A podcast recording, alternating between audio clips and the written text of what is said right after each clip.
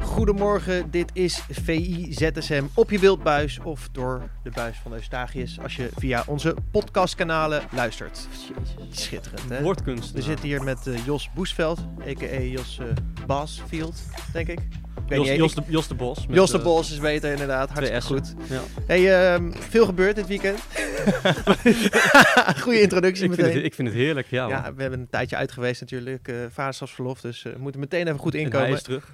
Hey, er is veel gebeurd dit weekend. Eh, verrassing nog eigenlijk wel dat en PSV en Feyenoord en Ajax eh, tegen puntverlies eh, hebben aangekeken. En dat AZ de toch wel verrassende koploper Ja. is. Het is wat hè? Dat hadden we het niet eh, aanzien komen. Je denkt dan van ja, de top, traditionele top 3 speelt tegen de kleintjes. Die gaan gewoon winnen. En AZ misschien moeilijk op bezoek bij Groningen. Maar het is juist compleet andersom. Ja, ik vind het wel leuk dat AZ nu bovenaan staat. Want die hebben wel een paar revelaties in dit elftal staan. Met die op linksback heb je die Kerkes. Zo, dat is een goede speler. Dat is een hele goede speler. Klaas hier compleet opgebloeid. Dat Reinders? echt, eh, ja, Reinders wilde ik daarna noemen inderdaad. Oeh. Op middenveld hartstikke goed. Ja, die, die, die ontpopt zich langzaam tot eh, een hele, hele sterke middenvelder voor de Eredivisie. Ja, vind ik echt top. En echt ja, leuk. Leuk om te zien hoe, AZ voetbalt. Dat gaat hartstikke goed. Denk je dat ze een gevaarlijke outsider zijn Nee. voor de titel? Of? Nee. Nee, gaan- Ja, ik heb- jongen, ik heb- jammer voor de AZ-fans. Klaar nu. Nee, nee, Leuk. dat- nee, sorry. Maar als je dan ook kijkt, eh, ze hebben dan nu die, die Carlson is dan voor het eerst weer terug. Ja.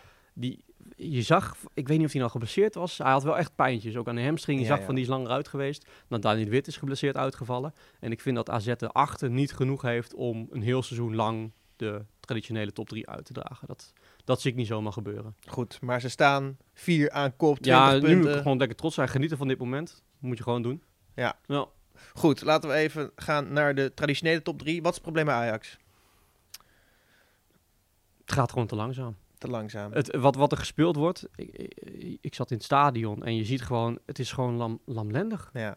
Iedereen speelt die bal maar naar elkaar en het komt wel goed. En dan vanaf de minuut 60, ja, voor mij had iedereen in het stadion het gevoel van, die te- dat tegendoelpunt gaat nog wel vallen. ja. En het gebeurde. En dan heb je gewoon, ja, dan gaan ze die Luca inbrengen en dan gaan ze proberen die bal erin te pompen. Een concept wat eigenlijk totaal niet werkt voor Ajax. Ja, dan zie je gewoon, je krijgt geen, geen, geen grote kansen meer op het eind.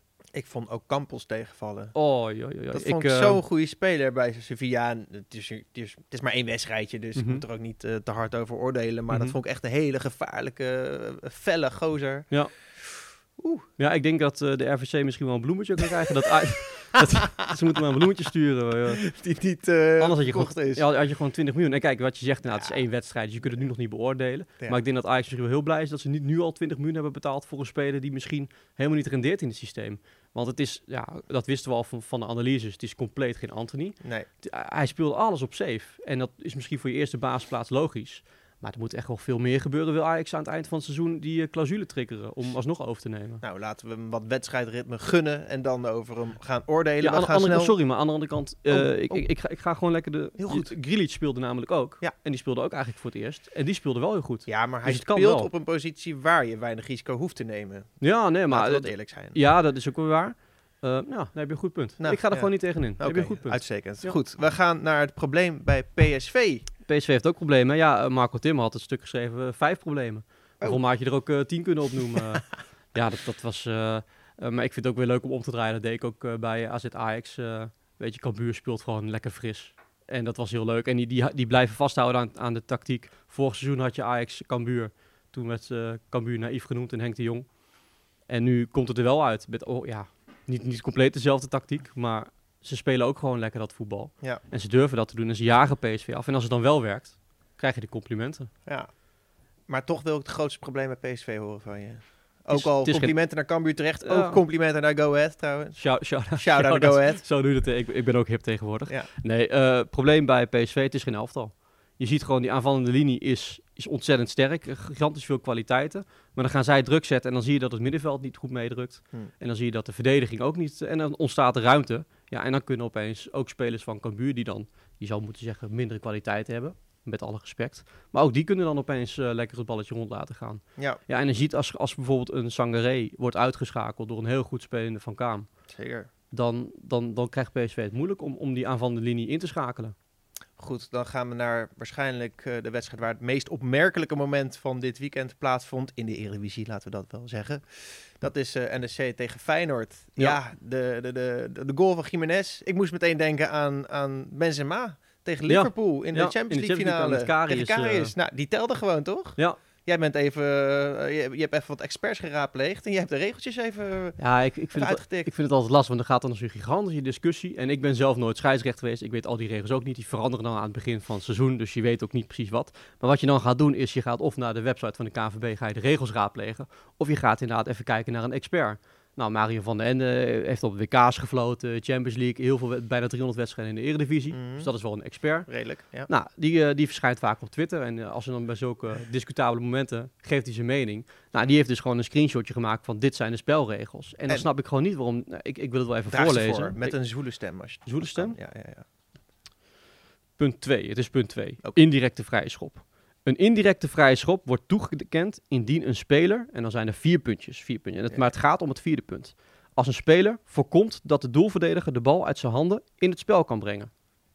ja. Dat is toch precies Net. wat de situatie was. Je, kunt, je, kunt, je kunt er alles omheen verzinnen van Jiménez stond er al en Sillissen zoekt Jiménez op. Maar de regel is gewoon, als een doelverdediger iets uit zijn handen wil trappen, de bal, dan, eh, dan, dan mag je er niet voor staan. Nou, dan is toch, de discussie moet toch voorbij zijn? Dan Ja. is je dus er gewoon terecht afgekeurd.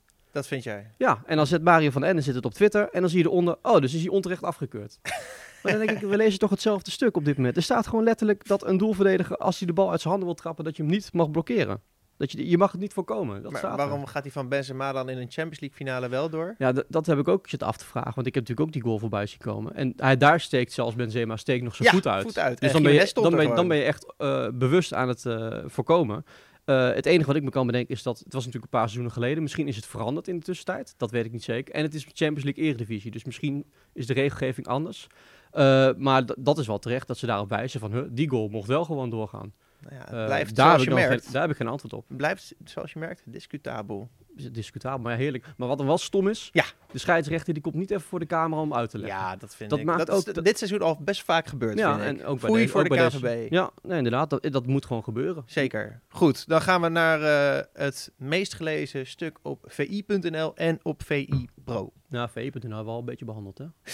Want dat is natuurlijk eh Sillissen. Ze met Jiménez, inderdaad. ja. Dus ja, we, gaan, we gaan er als een razende doorheen. Ja, Van der Vaart, die noemde hem eh, een beetje een naar mannetje. hè? Had je dat eh, gelezen? Ja, ik, ik snap het wel inderdaad.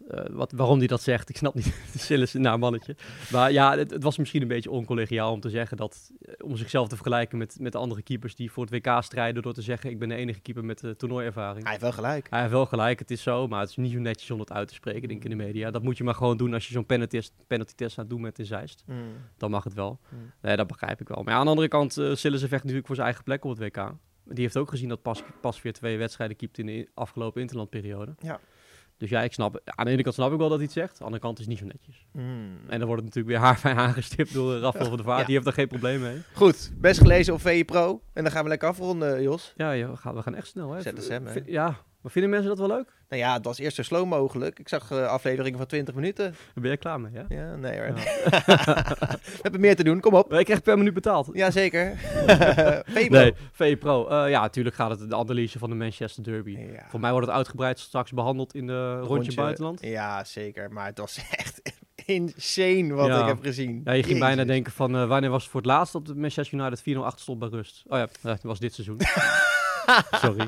Ja, die, die, had Andere ik, die had ik iets te veel bedacht van tevoren. Dat, Ik- eh, Dus maar ik zag echt schitterende tweets voorbij komen over wat voor Phil Foden was Erling Haaland de laatste speler die een hattrick maakte in de Manchester City Derby Ja. negen minuten geleden. Ja, ja, ja. Ah, dat is een mooi ook ding. Mooi. Ja, maar ja, ze werden totaal overklast. En dat is wel heel mooi. Pieter Zwart, die schreef die analyse. Die kan het perfect duiden hoe dat, hoe dat precies gaat. En het is gewoon... Je ziet nu wat er, wat er kan gebeuren als je een niet zo ervaren achterhoede hebt. Of in ieder geval niet een, een achterhoede met veel ervaring op het hoogste niveau. Je hebt een Dalot op rechtsback, Malasia, Martinez en Varane.